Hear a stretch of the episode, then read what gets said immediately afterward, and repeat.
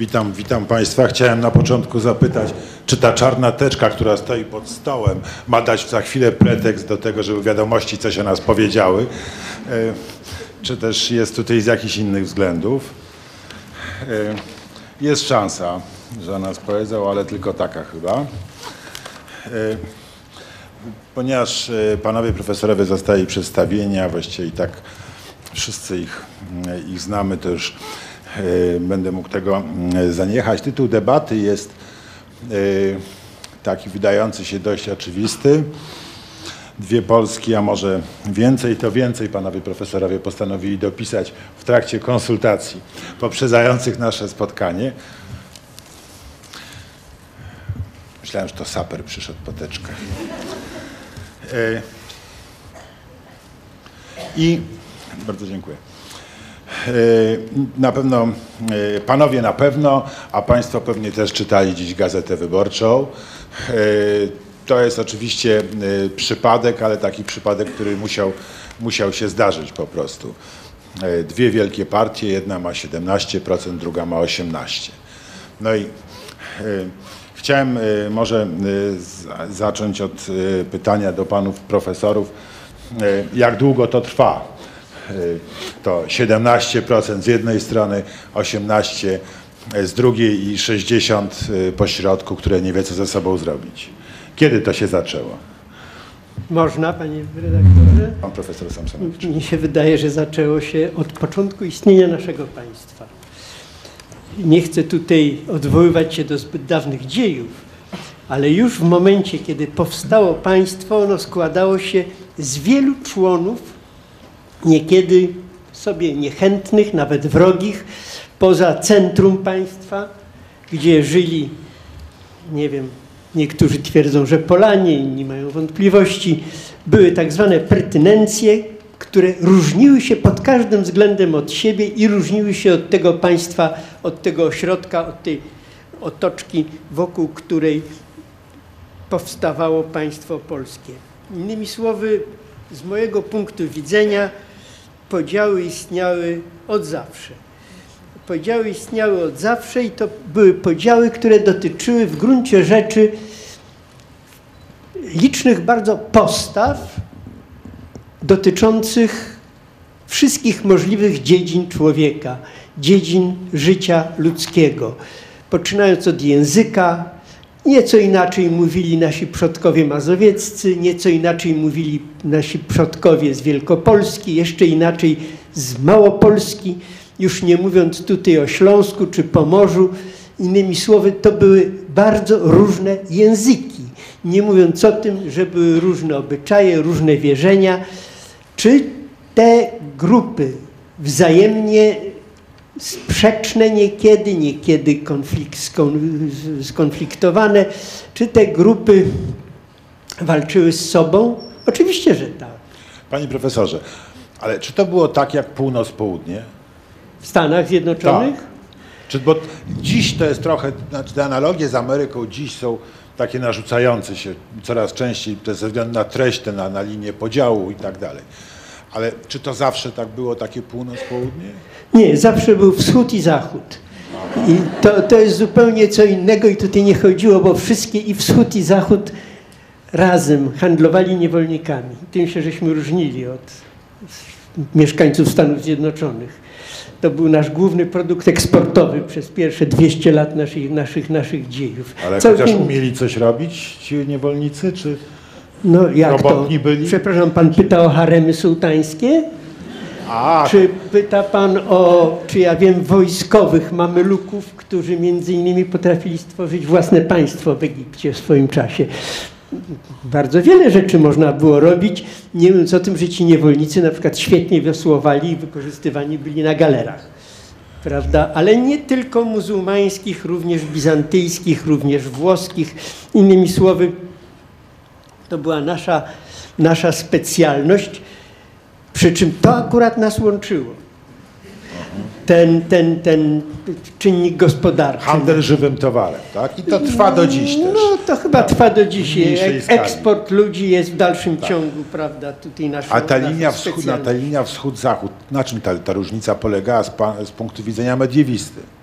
Wie pan co? Na różnicy między cesarstwem bizantyjskim i cesarstwem rzymskim. I tutaj muszę powiedzieć, że ta różnica była dosyć istotna, ponieważ na wschodzie ludzie wcześniej nauczyli się czytać, pisać i w dodatku pisać własnym językiem. Na zachodzie trwało to paręset lat, zanim zaczęliśmy pisać. Raczej już mówiliśmy, woleliśmy na słowo, że się tak wyrażę, dawać sobie radę i podejmować rozmaite zobowiązania. Czyli Polska B zaczynała dobrze. Yy, No więc tak, może przejdziemy do następnego punktu, z tym, że ja bym tutaj proponował zwrócić uwagę na jedną rzecz, w moim przekonaniu niesłychanie istotną. Mianowicie wschodni model, na pewno znacznie bardziej zaawansowany, nie posiadał pewnej cechy, którą miał Zachód. Nazwałbym tę cechę wielością ośrodków władzy. Tam był cesarz, tam był wielki książę, tam był władca, od którego wszystko zależało. A my, i to nam zostało, podejrzewam, do dziś, chcieliśmy się rządzić sami i sam wyda, wydawało nam się, a może nie tylko wydawało, że wiemy najlepiej, jak u nas powinno być, jak ma być. I oczywiście sądziliśmy różnie, różnie to bywało. I tutaj chcę powołać się na takiego pisarza bizantyjskiego, który żył na końcu VI wieku, czyli dosyć dawno, który Zanim uspokajał, tak, uspokajał cesarza bizantyjskiego Maurycego, że Słowian jest bardzo dużo, ale nie należy ich się obawiać, bo co jeden powie, to drugi mu zaraz zaneguje. Stąd nie mają nigdy właści, własnego swojego króla, własnego wodza, który mógłby ich poprowadzić do sukcesów i do zwycięstwa. Czyli antypolonizm ma daleko sięgające korzenie. No nie wiem, czy być- antypolonizm, czy po prostu to jest nasza wspaniała tradycja, która pozwala między innymi, panie redaktorze, na stworzenie rzeczywiście społeczeństwa obywatelskiego na przełomie średniowiecza i czasów nowożytnych. Tak się zaczęło, tak? Wcześniej? bardzo wcześnie. Byliśmy jedynym krajem, w którym liczba ludzi uprawnionych do czynnego udziału w życiu politycznym sięgała do, do kilkunastu procent, 10%, nawet powyżej 10. Tutaj szczególnym wyjątkiem, poza kantonami szwajcarskimi, było Mazowsze. Co prawda może nie najbardziej rozwinięte, tylko proszę tego nikomu nie powtarzać. Ale było Mazowsze, w którym na niektórych jego ziemiach 40% mieszkańców należało do stanu szlacheckiego, czyli miało prawo wybierać króla i decydować o tym, co ma być. I teraz pytanie, czy to była ta sama Polska, która była wokół Krakowa, gdzie wielkie rody dominowały w życiu politycznym i już w końcu średniowiecza spierały się o to, czy decydować o życiu wewnętrznym Polski ma Rada Królewska, czy mają regionalne sejmiki, które decydowały o tym, co ma się dziać na ich ziemiach, w ich otoczeniach, w ich małych ojczyznach. No tutaj mi od razu Brodel przychodzi do, do głowy, bo te 40% to do dziś zostało, decydujących o wyborze króla na Mazowszu. No to jest trwałość pewnej kultury, panie redaktorze, oczywiście, że tak. E, Pan profesor e, Tasbir z, e, zajmuje się bardziej troszkę późniejszą Polską, ale te podziały, których nazwania pan profesor Samsonowicz odmówił, wtedy też chyba, e, wtedy też chyba e, zaczęły grać bardziej oczywistą, tak, tak, można nacisnąć, polityczną rolę. Tak. Prawda? Tylko muszę powiedzieć, że pan redaktor mnie na początku trochę speszył, dlatego że zacytował tutaj konkretne procenty z Gazety Wyborczej i przypominam sobie pytanie, jakie mi zadali studenci na seminarium. Jak wynikało z ankiet, czy Wielopolski w pewnym momencie był równie popularny jak Traugut, czy też mniej? Powiedziałem, wtedy nikomu się nie śniło o ankietach, a wszyscy zbierający takowe znaleźliby się oczywiście w Cytadeli. Ale ja, ja sądzę, że można mówić, tutaj podchwytliwe pytanie, jedna Polska, parę Polsk. Można mówić o tych różnych Polskach dopiero o w momencie rozbiorów. Dlatego, że wtedy się tworzą pięć czy sześć ośrodków. Tworzy się trzy zabory, kresy zachodnie obejmujące ziemie, które nie wchodziły w skład państwa polskiego, także ziemia lubuska czy część śląska, kresy wschodnie, które częściowo nie wschodziły i wreszcie y, Polonia, rozproszona po całe, przymusowo po całym świecie. Proszę Państwa, w okresie zaborów, które były decydujące według mnie na spojrzenie historyków na całą przeszłość, na, e, pod wrażeniem zaborów zaczęto pisać podręczniki historii, tak jak się pisze podręczniki medycyny. Mianowicie, kiedy zaczęły się pierwsze przejawy choroby. Jak się pisze o hołdzie pruskim, to w jakim stopniu to się przyczyniło do rozbiorów Polski. To samo, po co ten sobieski las pod Wiedeń, jakby nie poszedł, to byśmy nie przegrali. Inna sprawa, że jak była sytuacja krytyczna w Polsce w 1981 roku, to kanclerz Krajski, kanclerz Austrii, który miał duże poczucie humoru, oświadczył w imieniu swego państwa uroczyście. Co by się nie zdarzyło, Austria tym razem nie weźmie udziału w rozbiorach Polski. Otóż, proszę Państwa, to y, sprawy takie dosyć e, specyficzne, ale patrząc na nieszczęsną dolę Polaków, to zastanawiam się nad dwiema rzeczami. Po pierwsze, że przecież myśmy mieli tylko 30 parę lat okresu, kiedy szło y, bezpardonowe germanizowanie czy rusyfikowanie. Mianowicie między upadkiem powstania listopadowego, przecież przed powstaniem istniała szeroka autonomia kulturalna, a nawet na ziemiach zabranych, i aż do i do zaistnienia autonomii galicyjskiej, gdzie była przecież też bardzo szeroka autonomia kulturalna. I pod tym względem y, muszę powiedzieć, żeśmy trafili na szczęśliwy los z jeszcze- jednego powodu, szczęśliwy i nieszczęśliwy. Dlaczego? Dlatego, że trzech zaborców to umożliwiało publikowanie rzeczy antyrosyjskich w zaborze pruskim i w zaborze austriackim, antypruskich w zaborze rosyjskim i tak dalej. Aczkolwiek z drugiej strony to było trzech bandytów zjednoczonych wspólnym łupem i dopóki nie doszło do walki między nimi, nie było mowy o odzyskaniu niepodległości i tego powstańcy nie rozumieli, uważając, że Francja przyjdzie z pomocą, a z kolei twierdząc, że bez pomocy polskiej to by nie udała się rewolucja francuska, bo powstanie kościuszkowskie odciążyło i nie udałoby się rządy Ludwika Filipa. Więc y, do czego prowadzę? Do tego prowadzę, że w gruncie rzeczy, tak jak y, czytam teraz sobie publicystykę wielkiej emigracji, proszę Państwa, jak oni się ze sobą kłócili i jakich sobie pomówień ten y, Mickiewicz napisał zdanie, które ja przypuszczam, że zaczerpnął z pism, jakie czytał w zaświatach już wychodzących w XX wieku. Ulubioną rozrywką polityczną Polaków jest posądzanie wszystkich o zdradę i szpiegostwo. Inaczej by nie mógł tego określić. A y, czy pan profesor odważyłby się powiedzieć, kiedy to się zaczęło? No, to się zaczęło, według mnie przełomowe, to było sprawa utraty niepod- niezawisłości, niepodległości. Przecież proszę Państwa, uważano wtedy, że nie może istnieć naród, jeżeli nie ma państwa. My śpiewamy hymn narodowy i nie zastanawiamy się, dlaczego się śpiewa będziem Polakami. Co to znaczy? Przecież oni byli Polakami.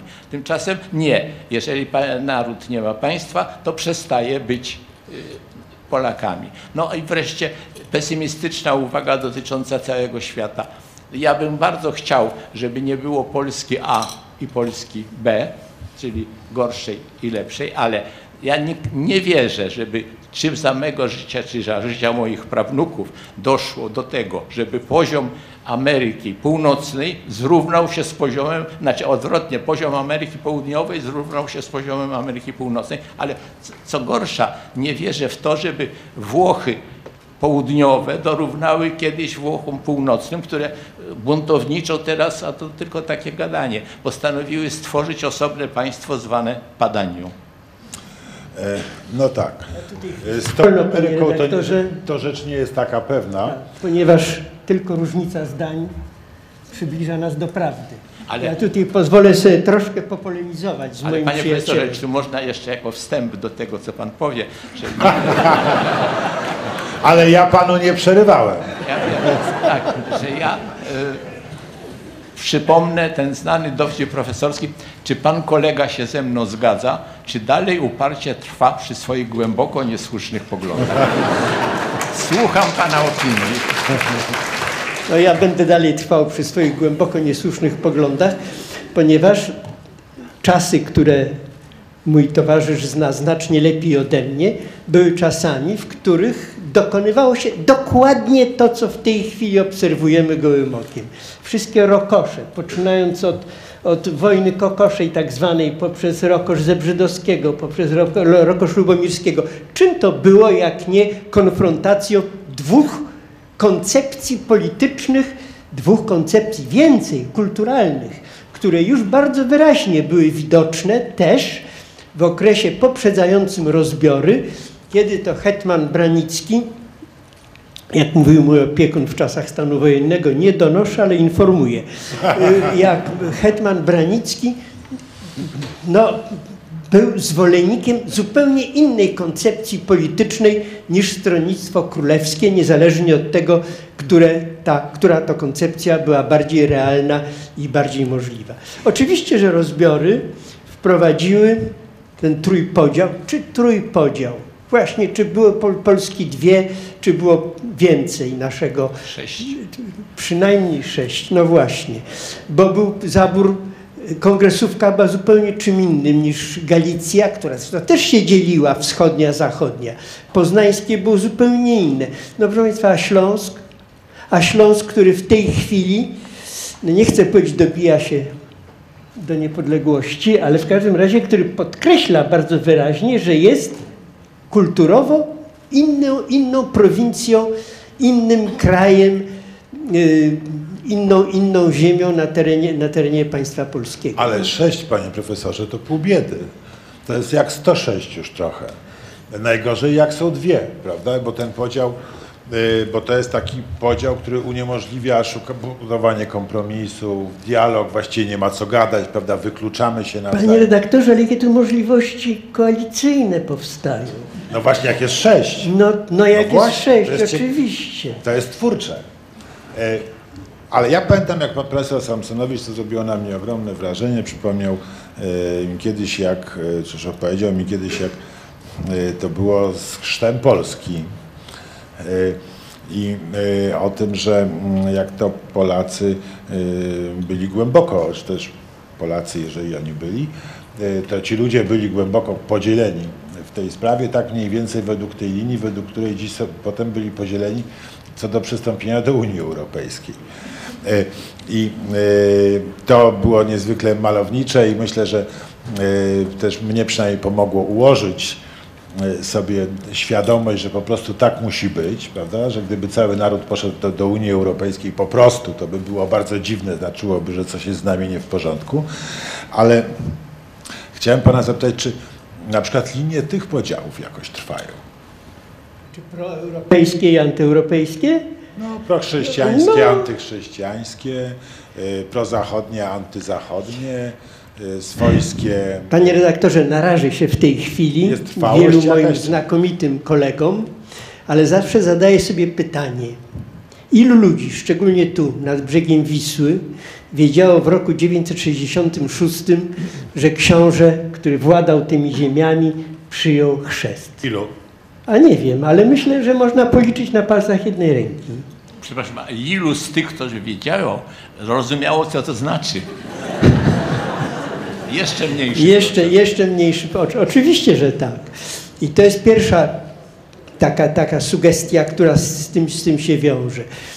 Pytanie jest następujące. W tej chwili mamy, jak właśnie źródło, które, na które Pan się powołał, Panie redaktorze, czyli Gazeta Dzisiejsza. Możemy to nazwać, to źródło, prawda? Tak, tak. Koło 70% mieszkańców, 60% mieszkańców jest w tej chwili, że się tak wyrażę, niezdecydowanych. Nie, Płynnej opinii. Proszę? Płynnej opinii. No można to i tak określić, aczkolwiek ta płynność jest dosyć mało precyzyjna może w sensie mm, określenia. Otóż ciekaw jestem, ilu ludzi, jeszcze ja w moim wieku pamiętam jeszcze czasy, kiedy znaczna część mieszkańców Polski na pytanie, kim są, odpowiadała tutejsi. Oni nie mieli poczucia więzi narodowej. Oni nie mieli poczucia więzi nawet państwowej. Oni byli tutejsi. To się zmieniło w okresie przede wszystkim, tu pomogli nam, proszę mi wybaczyć ten bardzo nie, niestosowne określenie, ale to się zmieniło w okresie okupacji niemieckiej przede wszystkim. Kiedy to wszyscy Polacy byli prześladowani, byli eksterminowani, wszyscy Polacy sta, sta, stawali, czy byli traktowani jako gorszy, gorsza część ludzkości i w związku z tym pomogło to zrozumieć, kim nasz ród. Też zresztą wszyscy widzieli to, nie wszyscy widzieli to tak samo. Były tutaj bardzo duże różnice. Ja się zgadzam tutaj z Januszem Tasbirem, że bardzo poważne podziały były wytworzone w dobie rozbiorów. Ale też proszę pamiętać, że te rozbiory to nie jest tylko zabór austriacki, niemiecki, rosyjski. To, o czym już wspomniałeś, to są ziemie wschodnie, dalekie wschodnie, ale to jest również Śląsk, ale to jest również Pomorze.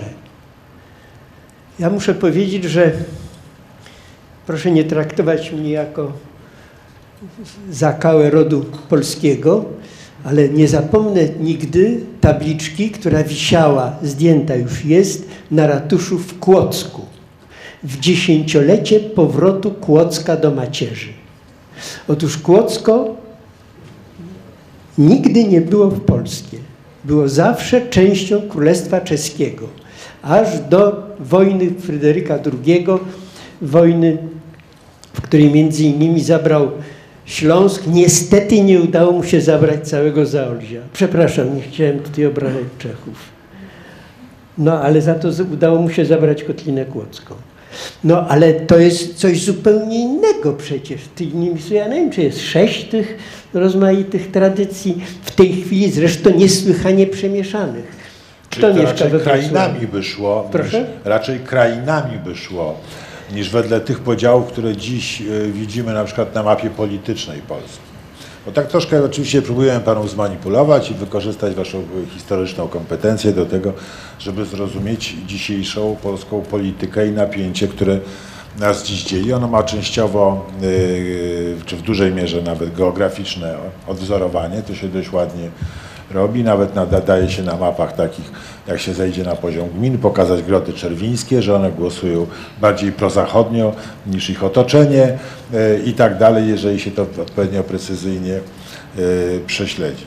E, ale chciałem zapytać, czy ta, ten podział, taki wyraźny dzisiaj, bardzo mocny i emocjonalny i kulturowy, jak się wydaje, bo to widać od razu, jak się wejść, spojrzy w telewizor, od razu widać, kto jest z której partii. Nie, nieliczne Przypadki są takie, że nie widać.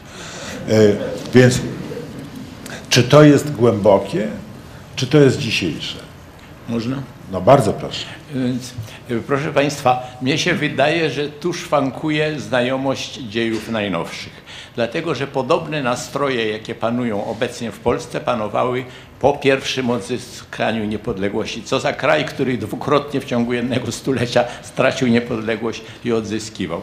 Y, jeden y, notuje Maria Dąbrowska w dziennikach, że pewien właściciel kina w, y, w Kaliszu powiedział jej tak, proszę pani, dawniej wystarczyło rzucić na ekran białego orła i wszyscy płakali i chodzili, a teraz ten orzeł jest na każdym nakazie podatkowym. już nikogo nie rozczula. Otóż, proszę Państwa, to, co my bierzemy za wyraz opowiedzenia tego, że nie wiemy, po której stronie się opowiedzieć, to jest wynika z dwóch przyczyn. Po pierwsze, ze zmęczenia sporami polityków, sposobem, jakim są prowadzone i poziomem, na jakim są prowadzone. Wszyscy myśleli, że niepodległość rozstrzygnie wszystkie sprawy, że to y, da nam dobrobyt i tak dalej. Ja tutaj cytuję pana Węclowa, który to samo powiedział o swoich rodakach Litwinach. I wynika z, drugiego, z drugiej przyczyny, z tej przyczyny, że myśmy nie uzyskali właśnie tego, co nam na początku obiecywali. No myśle, myśleliśmy, że przez niepodległość od razu do pełnego dobrobytu. Ludzie mają, są znużeni sporami politycznymi. Opowiadał mi ktoś z radia, e, z telewizji, myślę z tym kto, że powiedział któremuś z panów posłów, że proszę pana, e, może za dużo tych przemówień sejmowych w telewizji, to ludzie ten, czy nie można dać e, streszczeń takich, co, on mówi, tak, streszczenia i oprócz tego in extenso całość, żeby szła. Więc mnie się wydaje, że to stąd wynika. Ci, co siedzą w domu, to po prostu uważają, że nie ma się co fatygować, bo to i tak rozstrzyga jakaś gar, garstka no, zacietrzewionych maniaków. No przepraszam bardzo obecnych tu polityków. Ale przecież tu nie ma żadnych polityków, są tylko patrioci najwyżej na służbie ojczyzny. Patriota powinien być politykiem. E, Ale chciałem wrócić do tego. Pan profesor przed chwilą po, powiedział, że podobnie było przed II wojną światową. Że też był ten podział taki bardzo radykalny, prawda? Powiedzmy PPS-owsko-endecki, tak można by z grubsza go zarysować. Potrójny był, panie redaktorze. Ruch ludowy. Sanacja, endecja i No tak. lewicowe grupy, też podzielone. No ale chłopi mieli duże, e, potężne stronnictwo. Też. No tak, a wcześniej, czy to też, czy to szło według podobnych kryteriów, według podobnych sympatii? Skąd? Powstanie styczniowe, biali, czerwoni i margrabia wielopolski. Trzy przynajmniej orientacje, ale tylko w kongresówce. Już w Galicji było inaczej, w zaborze pruskim było jeszcze inaczej. W, w ziemiach, tak zwanych zabranych ziemiach wschodnich też było inaczej. Tam była zupełnie inna, inna koncepcja, czego innego tam oczekiwano i konflikty były zupełnie inne, biorąc pod uwagę bardzo liczną mniejszość etniczną, narodową, kulturową ze wschodu. To było zupełnie, zupełnie coś innego. Y, To przemieszało się wszystko szalenie Teraz po II wojnie światowej, kiedy we Wrocławiu mieszkają ludzie, którzy zaciągają z ukraińska, że się tak wyrażę, a w Toruniu są ludzie, którzy pięknie śpiewają po litewsku. Ale to jest zjawisko nowe i mnie się wydaje, że tutaj podziały są inne. Jeśli już mielibyśmy też szukać jakichś takich potrójnych, a może nie tylko potrójnych, to pamiętajmy, że istnieje na pewno podział pokoleniowy między poszczególnymi generacjami Polaków. Mniejsza z tym już nie będę wchodził, czy to jest kwestia wykształcenia, czy to jest kwestia dostosowania do nowych potrzeb współczesnej informatyki, ale są tutaj tradycjonaliści w sposób zupełnie niewątpliwy, widoczni w rozmaitych dziedzinach. Są tutaj moderniści, którzy poszukują nowych rozwiązań. No i są wreszcie tacy, którzy nie poszukują, nie marzą o powrocie do starych form działania, tylko rozglądają się, skąd by zaczerpnąć tutaj właściwe wzory. Czy ze Stanów Zjednoczonych, czy podobno teraz warto się uczyć chińskiego już. A, no jest, mamy różne wzorce teraz ciekawe, całkiem nowe. Z tego chińskiego da, da, warto się było uczyć też wcześniej, prawda? Tam Parę rzeczy już udało nam się zaczerpnąć z tego kraju. Eee, Widzicie Państwo nad nami eee, wynik badania przeprowadzonego przez SMG KRC na prośbę festiwalu, powody obecnych podziałów politycznych, tak jak widzą je Polacy. Najbardziej, najczęściej jest wskazywany powód to ro- rodzaj mediów, których ludzie słuchają, oglądają lub czytają. Czy e, tu by się dało wskazać jakąś, e, jako, jakąś tradycję? W świecie przedmedialnym. kiedy ten świat przedmedialny tworzył pewien porządek, w którym ludzie czuli się w miarę spokojnie, pewnie, wiedzieli, jakie mają podjąć działania, żeby im było no, nie gorzej przynajmniej. Nowy świat, który w tej chwili powstaje, powstaje w wersji, czy ja wiem, jak chcecie Państwo, globalnej wioski, jak nie, no to nowoczesnego, nowoczesnego świata, możemy bardzo różnie to nazywać, powoduje pewne zagrożenie. I zawsze tak było. To byli, były całe liczne społeczności, które widziały w tych nowych możliwościach, nowych układach, nowych warunkach życia zagrożenia dla siebie. Oni się czuli niepewni. Poczucie pewności jest spokoju, pewności, jest bardzo istotnym czynnikiem kształtującym pewne środowiska społeczne. I w tej chwili to, że teraz jest tak silny podział między naszymi rodakami, to między innymi stanowi chyba wyznacznik niepewności.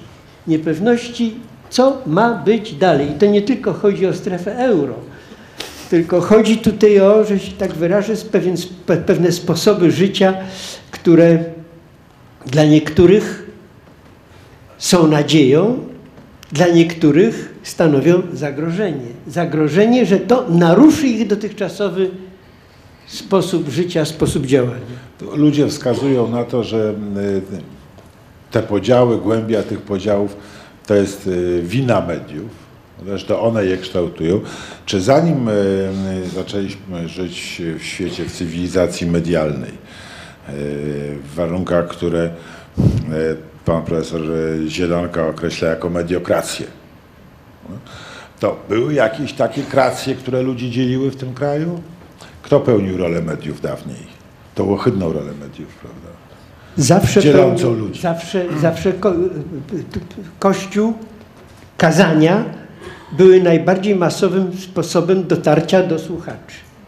Jak dalece one były rozumiane, jak dalece one były przyjmowane, to jest zupełnie inna sprawa. Jak dalece nawet były akceptowane, to jest zupełnie inna sprawa. Ale no, ni- ni- nikt mi nie wmówi, że nasi przodkowie nawet jeszcze w okresie międzywojennym masowo korzystali ze środków przekazu, takich jak w tej chwili, jakimi są w tej chwili radio, telewizja przede wszystkim, prasa i tak dalej. To jest zjawisko nowe, które też może powodować pewne, pe, pewne, pewne nie- niechęci i pewne opory. Pan profesor Tasbir? Ja bym y, był sceptyczny co do roli kazań, bo s- czytałem niedawno y, parę kazań, y, zbiorów kazań XVII wieku, gdzie oni się skarżą, że wierni zabierają ze sobą do kościoła jakieś interesujące lektury. Niektórzy czytają listy prywatne, czy, czy listy w ogóle miłosne, a niektórzy gazety. To byłem bardzo zdziwiony, że wtedy już czytano gazety.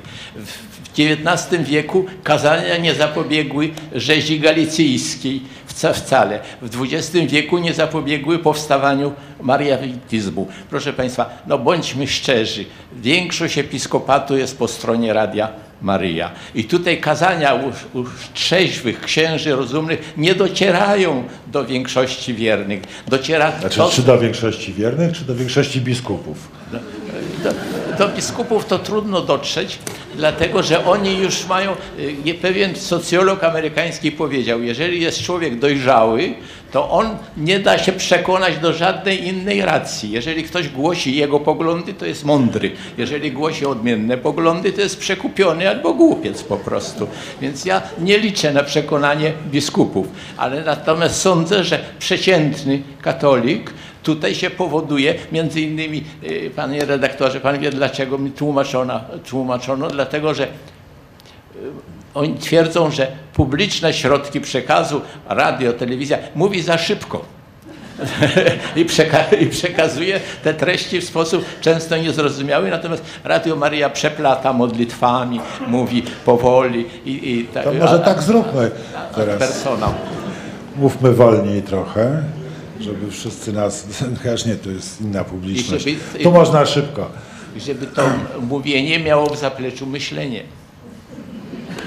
To mnie będzie trudno przy panach, to odkładam. E, No dobrze, e, ale przekonania religijne e, wydawałoby się, że w narodzie 90 tam procentowo katolickim powinny ludzi łączyć. A tymczasem zdaniem tych respondentów 46% z tych respondentów twierdzi, że przekonania religijne ludzi dzielą w Polsce. To jest nowe? Jeżeli, proszę, nie. jeżeli można, ja sądzę, że y, trzeba to sobie otwarcie powiedzieć. Katolicy traktują w większości katolicyzm jako obiad à la carte. To znaczy wybierają te potrawy, które lubią, innych nie jedzą. Coraz więcej osób mi mówi, w piekło to ja nie bardzo, wiesz. Ale niebo bardzo proszę, tak? Proszę, proszę. Ale niebo proszę bardzo. Nie, no, jest piękne powiedzenie. Każdy katolik chce być w niebie, ale żaden nie chce na zajutrz. Otóż, proszę, proszę Państwa, muszę powiedzieć, że y, ludzie z katolicyzmu na przykład y, twierdzą, ja to zresztą mówiłem u księży jezuitów, którzy się wcale nie zgorszyli, że w momencie, kiedy się rozprzestrzeniły w Europie, zwłaszcza gułagi i y, e, obozy koncentracyjne niemieckie, to trudno nadal ludziom mówić, że czym jest życie pozagrobowe dla ludzi złych. Takim gułagiem, który Pan Bóg przedłużył na całą wieczność. No to jest nie, niestrawne, to, to nie jest do przekazywania zambon i to trzeba wziąć pod uwagę. Naprawdę ludzie są tacy, którzy uważają, że można przystępować do komunii bez chodzenia do spowiedzi, bo niczego takiego, ja, pewna pani mi powiedziała, ja będę obcemu chłopu o moich intymnych sprawach opowiadać. Nigdy w życiu. Naprawdę, to jest swobodny wybór, yy, proszę Państwa, tych punktów wiary, które mi są, dla mnie są odpowiednie. A czy Pan Bóg jest miłosierny, Pan Bóg nie takich przypuszczał. I nawet na ołtarze. To teraz może dwie rzeczy zrozumiałem. Jedno, dlaczego księża biskupi są tacy zestresowani. Bo to każdy nauczyciel miałby kłopot, prawda? Kontakt ze społeczeństwem, jak biuro polityczne ze społeczeństwem przed wyborami w 89.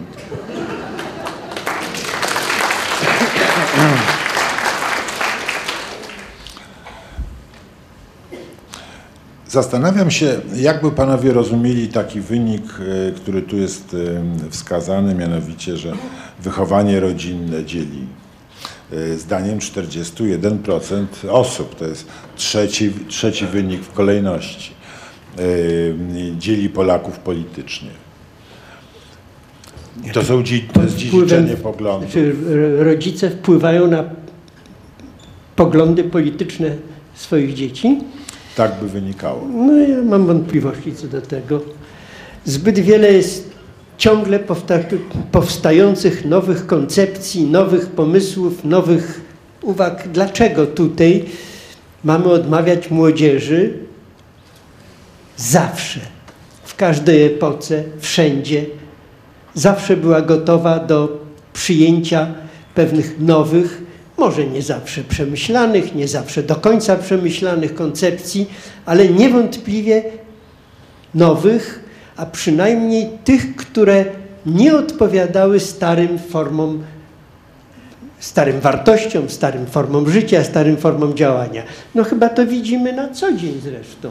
No tak, ale są takie e, rodziny w Polsce, o których można powiedzieć, że reprezentują jakieś tradycje polityczne z pokolenia na pokolenie. E, w innych krajach, na przykład w Stanach jest e, rodzinna tradycja, żeby być zarejestrowanym demokratą albo republikanem. To oczywiście znaczy co innego w czasie, to wszyscy wiemy. No, czy w Polsce taka tra, te tradycyjne, jest tradycja przekazywania postaw politycznych, tradycji politycznych w obrębie rodzin historycznie, czy panowie dziś patrząc na scenę polityczną jako jako historycy potraficie odnaleźć przodków, y, głównych aktorów, albo wytłumaczyć to sobie w ten sposób? Czy też to jest też à la carte? Każdy wchodzi i wybiera. To bardzo dziwna jest sytuacja w tej chwili. Są jest moda w tej chwili na to, żeby odwoływać się do swoich przodków no najlepiej z możliwie odległej przeszłości. Bardzo dobrze, jak się ma przodka, który walczył pod Wiedniem, jeszcze lepiej pod Grunwaldem, no a za przodka, który walczyłby pod Cedynią w X wieku, no to już jakieś rzeczywiście wyjątkowe zupełnie mm, byłyby tutaj apanarze uzyskiwane. Także ja tutaj myślę, że to jest troszeczkę związane z pewnym snobizmem, z poszukiwaniem rzeczywiście swojej jakiejś genealogii, która by dowartościowywała człowieka. Proszę zwrócić uwagę, Co jest człowiekowi potrzebne poza, no, czy ja wiem, szczęściem rodzinnym, pieniędzmi i tak dalej, i tak. Dowartościowanie. A jak można człowieka dowartościować?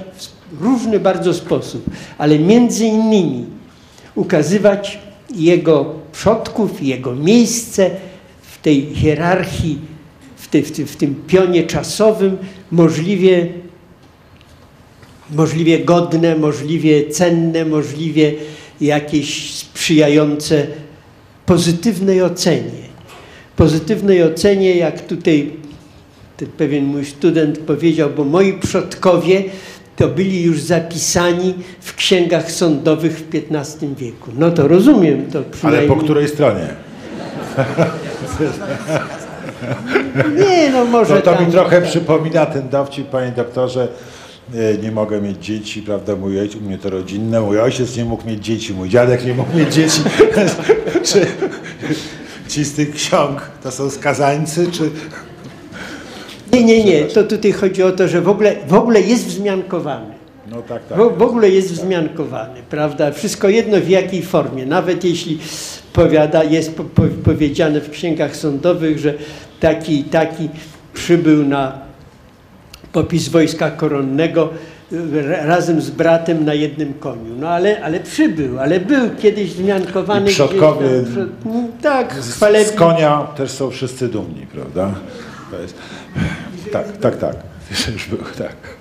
Panie profesorze, Mnie się zdaje, że rzecz jest zasadnicza taka, mianowicie, że przeszłość polityczna dziadków i ojc, rodziców jest tego rodzaju, że oni wolą zatrzasnąć drzwi w tradycji rodzinnej i nie powoływać się, nie odwoływać się. No co, będą uczyli dzieci na tym przykładzie, że byłem wzorowym z, w ZMP, czy że byłem przodującym członkiem partii i, że otrzymałem niedawno Gazeta Wyborcza napisała straszne głupstwo, że przodujący uczniowie otrzymywali w nagrodę komplety dzieł Lenina i Stalina. To w życiu nie, nie widziała i na taki komplet wynosił 50-60 tomów. Otóż kto by to wytrzymał? to było the best of, panie profesorze. Żaden, żaden śmietnik by tego nie zmieścił. Otóż muszę powiedzieć, to jest jedna rzecz. Po prostu nie ma się, co, wolą przeskakiwać ten moment. Jeżeli się odwołują, to do okresu II Rzeczypospolitej. I druga sprawa, dla mnie bardzo pocieszająca. Coraz więcej osób przyznaje się do pochodzenia wiejskiego. Do tego, że rodzice byli rolnikami, młynarzami i tak dalej, i tak. To przestaje być wstydliwe. Przez pewien czas w okresie Polski Ludowej istniał snobizm na dawanie do zrozumienia. Ja to e, ukrywam to z pewnych powodów, ale moja ba- babka była bezetką oczywiście, prześladowaną srodze z tego powodu. I tak. Więc mi się wydaje, że takie są przyczyny. Mnie się wydaje, że to jest zbyt optymistyczny pogląd, dlatego że w dalszym ciągu istnieje pewien snobizm na powoływanie się na przykład na swoje herby. Herby niekiedy bardzo świeżej daty. Nie mówiąc o tym, że generalnie rzecz biorąc istnieje pewne zjawisko, zresztą w Polsce istnieje, istniało od zawsze. Nie wiem, czy pamiętacie Państwo, tam było kiedyś takie powiedzenie o siedmiu cudach Piłsudskiego. Jednym z tych cudów to było cudowne rozmnożenie legionów. No więc teraz tak samo jest cudowne rozmnożenie na przykład powstańców Warszawy, mm, członków Armii Krajowej. No jednym słowem, no nie wiem, Piłsudskiego, oni się Proszę? mnożą najszybciej. No nie mogą tak Ale samo jak trudno się, trudno się odwoływać do rozbrajania Niemców w 1918 roku. No niestety, to jest, bardzo trudne, ale pff, kto wie. Y, W każdym razie także tutaj pewien snobizm społeczny jakieś, jak- jest, jest jakoś tam potrzebny, przy czym zgadzam się, że w znacznie większym stopniu w środowisku powiedzmy sobie dużych i średnich miast niż na wsi, ale wszystko jeszcze przed nami. Jak y, zapytano Polaków w tym samym badaniu o wydarzenia lub zjawiska historyczne, które najbardziej przyczyniły się do przynależności Polski i Europy, to y, wynik też był y, ciekawy. Ja tylko uspokoję Państwa, że można było wskazać trzy i dlatego to się do niczego nie sumuje, y, żeby nie było y, wątpliwości co do tego. Ale y, proszę zwrócić uwagę, że tylko 60% Polaków wskazuje na Solidarność i tylko 40% Polaków wskazuje na chrzest. To jest niesamowite, znaczy, że można sobie wyobrazić, że Polska przystępuje dziś do Unii Europejskiej, nie przyjąwszy nigdy chrztu, czyli jak rozumiem, będąc państwem pogańskim. Pogańskim. Znaczy, że E, No ale e, tak, e, że można ta, tego typu pogląd wyrazić. Ja zastanawiam się, z czego to może, z czego, z tą solidarnością to jeszcze można od biedy jakoś sobie zracjonalizować taki pogląd. Ale ten pogląd z chrztem, Panie redaktorze, każdy może powiedzieć, że brał udział w Solidarności, prawie każdy, nawet jako dziecko. po której Na- stronie, właściwej. Po prostu po właściwej stronie. Natomiast mało kto może chwalić się, że brał udział w procesie chrystianizacji Polski w X wieku. Mało kto to pamięta, natomiast przy, przy, przywiązywać się do tego już trudno. Nie mówiąc o tym, że tutaj no rzeczywiście pamiętajmy, że to, co się dzieje dookoła nas, sprzyja przywoływaniu tych wydarzeń, które są żywe w pamięci rodziców, dziadków. To jest oczywiste.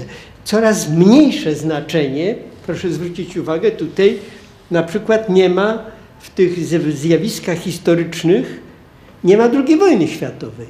To już jest niejako przeszłość. Nie ma tutaj przynależności do legionów Piłsudskiego. No ciekawe. Może dlatego, że ostatni legioniści już dawno zeszli z tego świata.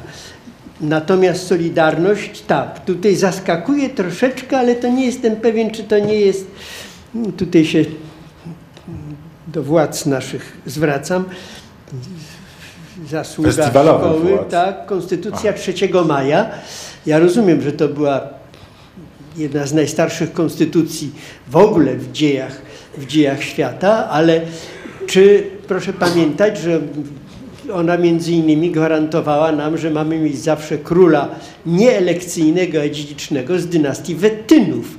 Więc nie wiem, czy tak musimy się do tego bezpośrednio stale odwoływać. czy to bardzo- by nie było dobre rozwiązanie, panie profesorze? Wettynów? Dziś Ja wolał Habsburgów.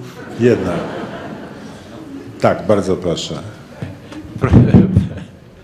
Proszę Państwa, mnie się wydaje, że to e, pytanie pana redaktora, po czyjej stronie było bardzo zasadne.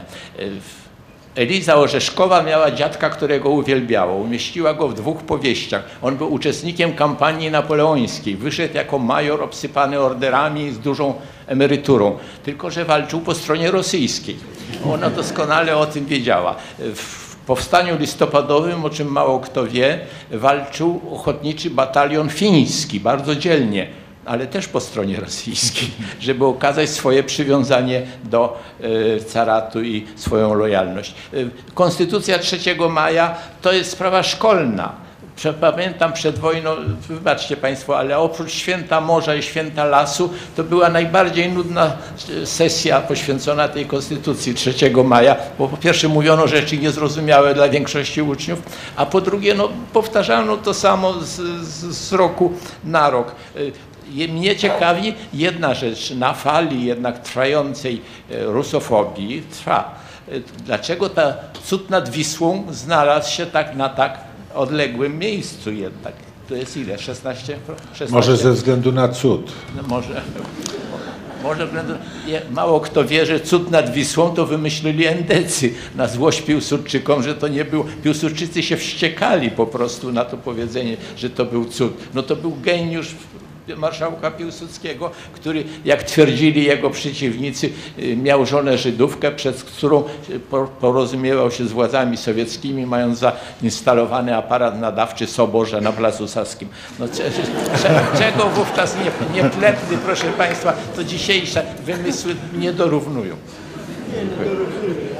bronił dzisiejszego, dzisiejszych konceptualistów rozmaitych i myślę, że dorównują te pomysły, ale zgadzam się, że tutaj te rozmaite informacje, które wyjaśniały, wyjaśniać miały najrozmaitsze wydarzenia, te informacje troszeczkę rzeczywiście przypominają niektóre puszczane obecnie wersje dotyczące różnych wydarzeń z czasów najnowszych. No, tych czasów, które najbardziej interesują współczesnych. Ale czy tutaj podział na rozmaite Polski nie jest też podziałem na tych, którzy właśnie oglądają się na, na, na bitwę pod Grunwaldem, czy mm, cud nad Wisłą, czy już nie mówię o Konstytucji 3 maja nawet, i tych, którzy patrzą w przyszłość i zastanawiają się, jak zrobić karierę, kończąc, czy ja wiem, studia na Uniwersytecie w Princeton, czy na Uniwersytecie Harvarda.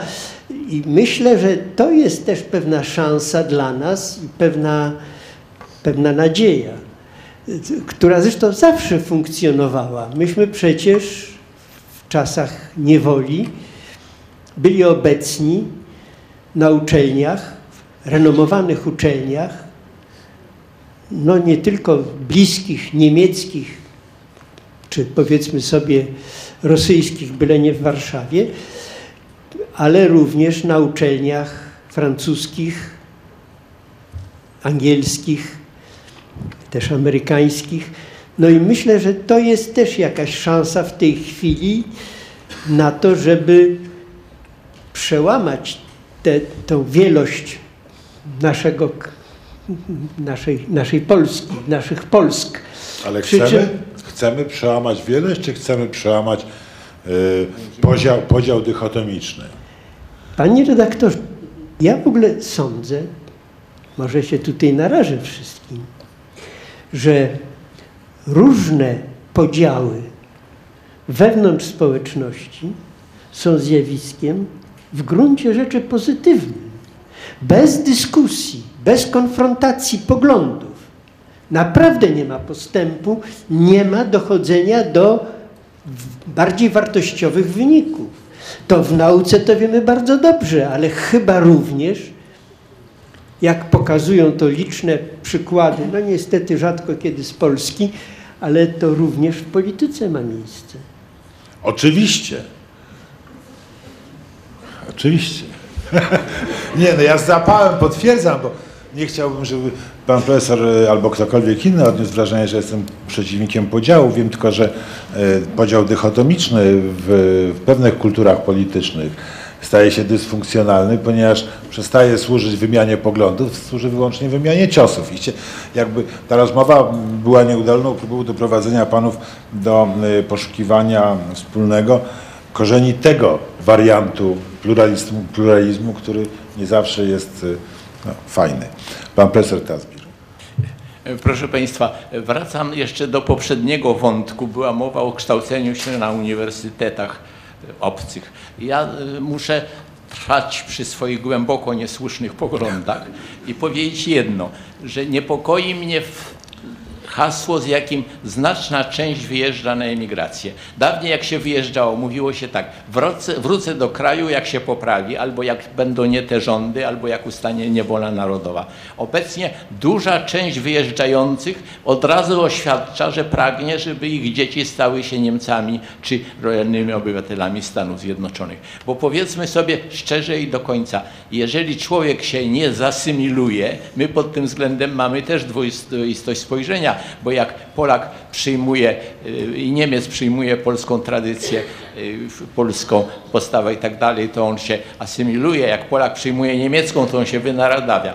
Otóż jeżeli, jeżeli się nie zasymiluje całkowicie Polak w Stanach Zjednoczonych, to będzie tkwił w Chicago w dzielnicy polskiej, jadł sobie kiełbaski, płakał z rozczulenia, ale nie, nie zasiądzie na fotelu senatora i do niczego nie dojdzie. Otóż w tej chwili jest świadomy wyjazd z pewnej części emigracji z tym, jeżeli się uda, zostaniemy tam na stałe, a nasze pokolenie, już nasze, nasze potomstwo będzie e, pokoleniem e, czującym się nie Polakami. No trudno i darmo, tak jest. Zwyczaj y, tych debat jest taki, że Państwo macie prawo zabrać głos też. Więc jeżeli ktoś z Państwa chce się w tej chwili włączyć, to bardzo proszę. Jeżeli nie, to ja zadam pytanie końcowe i będziemy się rozstawali. Wybór należy do Państwa.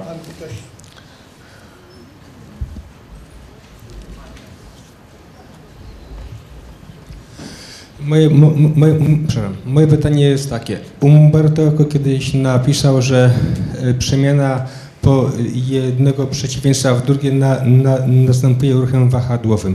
Gdyby do, do tego twierdzenia dodać e, zasadę wyłączonego środka, które mówi mniej więcej tyle, że twierdzenia wzajem przeciwne nie, nie są w niczym zgodne, wtedy można było powiedzieć, że ta sytuacja obecna polityczna w zasadzie będą albo rządzili jedni, albo drudzy, ale do żadnego porozumienia nie dojdzie. Moje jednak pytanie jest inne. Czy e, eliminacja przeciwnika politycznego to jest naprawdę cel polityczny?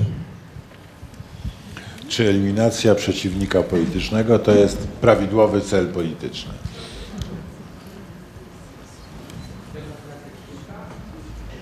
Znaczy eliminacja w jakim sensie? Nie, nie bardzo wiem w jakim sensie. Jeśli eliminacja biologiczna, to jestem absolutnie przeciwny. Jeśli eliminacja mm, polityczna, to też nie zawsze jest to pozytywne zjawisko. Nie zawsze jest to pozytywne zjawisko. Nie ma prawdziwej demokracji bez wewnętrznej opozycji. Znaczy nie wewnętrznej, tylko opozycji na przykład parlamentarnej. To jest reguła, która zawsze sprawdza się we wszystkich demokratycznych, może w cudzysłowie niekiedy, we wszystkich demokratycznych państwach. Innymi słowy, opozycja jest potrzebna, tyle tylko, że to musi być opozycja twórcza, która nie korzysta z każdej okazji, żeby zanegować pewne działania, czy pewne oceny, czy jakąś tam, jakieś tam, powiedzmy sobie, postulaty postulaty ustawodawcze czy postulaty prawne. To rzeczywiście jest w moim przekonaniu tylko i wyłącznie działanie na szkodę, ale generalnie rzecz biorąc, jak że powołuję, po, powołam się na pewnego naszego klasyka, jestem za, a nawet nie przeciw. Pan profesor teraz tak jest. Proszę Państwa, ja myślę, że jeżeli w XXI wieku wyjdzie słownik polszczyzny z początku XXI wieku, to polemizowanie będzie objaśnione tak. Tak nazywano w początkach XXI wieku wzajemne wymyślanie oparte na wszechpotężnej teorii spiskowej. Proszę bardzo. Ja chciałam, przychodząc na to spotkanie, jakoś tak bardziej, y, y, więcej dowiedzieć się na temat współczesności. No, panowie naświetlili historycznie rzecz, omówili o podziałach między y, ludźmi w Polsce, może i na świecie. I właściwie z tego nie wynika, kto ma rację. Ja chciałabym wiedzieć, przekładając na dzisiejszą sytuację, która, który, która część z tych podziałów ma no, jakąś tam rację ideologiczną chociażby. Obok tam pan jeszcze podnosił rękę. Chciałem się spytać, skąd się bierze, przynajmniej w niektórych regionach, znów jakaś nostalgia do tak zwanego stanu szlacheckiego. I ja chciałem e, do pana profesora Tazbira, bo e, ja rozumiem te stowarzyszenia różne, sam mam sentyment, zresztą wielu przyjaciół, szlachta, ja pochodzę z ziemi dobrzyńskiej, ale jak czytam po jednym takim e, spotkaniu, że dyrektor placówki kulturalnej wykształcony pisze i mówi, iż e, o roli szlachty we współczesnym świecie ze szczególnym uwzględnieniem Polski, no to przecież ja z nim dyskutowałem, że tam są fajne tradycje rycerskie, no ale jakby napisał o roli rycerstwa we współczesnym świecie ze szczególnym uwzględnieniem Polski, to by była groteska. A mogłoby się Natomiast- okazać, że na przykład rycerze Kolumba nie są bez znaczenia, a kilku innych rycerzy też mamy. Tak, natomiast on mówi, ale szlachta tak, ale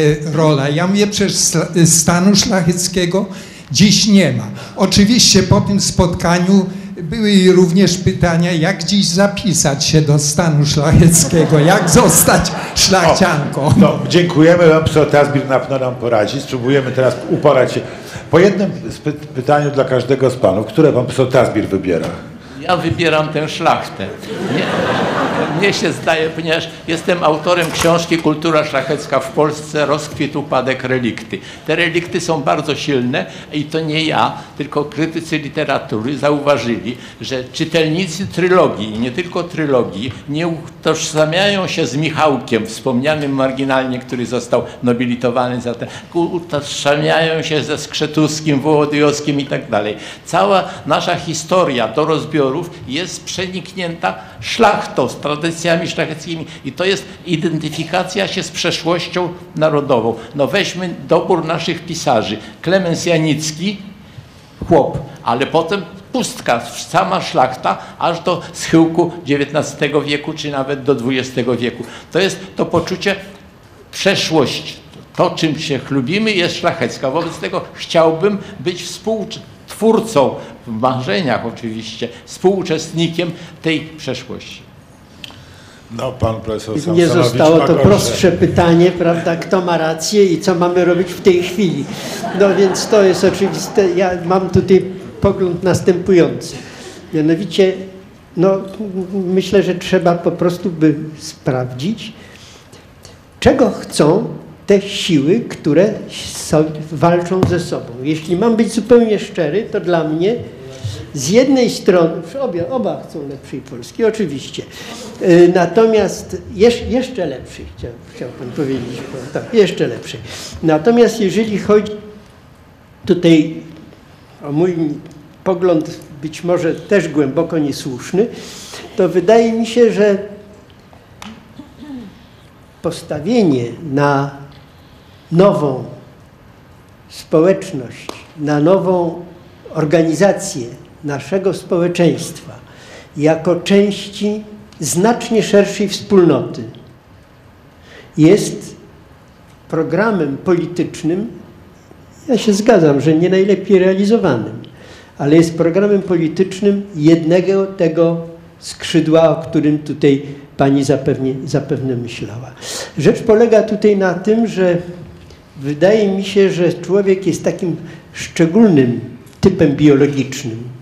Nie ma drugiego takiego samego, który dobrze się czuje we wspólnotach rozmaitego szczebla. Dobrze się czujemy w swojej rodzinie, dobrze się czujemy w swoim środowisku lokalnym, w swojej małej ojczyźnie niekiedy, w swoim narodzie. To też trzeba powiedzieć, w swoim narodzie też. Ale dobrze się też czujemy w społeczności szerszej. Może, kiedy przyle, przylecą do nas jakieś stwory z innych planet, wtedy będziemy się dobrze czuli w gronie ludzkości, w gronie wspólnoty ogólnoludzkiej. Ale na razie no, mamy te możliwości, które mamy, przy czym ja tutaj widzę też możliwość dobrego samopoczucia w gronie wspólnoty możliwie szerokiej. Jeśli pani chce ją nazwać europejską, to niech ją pani tak nazwie. Jeśli pani chce ją nazwać ogólnoludzką, niech pani ją tak nazwie. Ale w, końcu w gronie tej wspólnoty, w której mieszczą się te mniej, na, na, na niższym poziomie y, wspólnoty, wspólnoty y, czło- człowieczeństwa. Przy czym wszystkie one są potrzebne. Oczywiście, że tak. Z tym tylko, że nie należy, no, że zacytuję, tutaj mój przyjaciel cytował tutaj wiele, wiele tekstów, ja pozwolę sobie też z pamięci zacytować. Trzeba z żywymi naprzód iść, po życie sięgać nowe, a nie w uwiędłych laur liść z uporem stroić głowę. No i to jest też jakaś odpowiedź.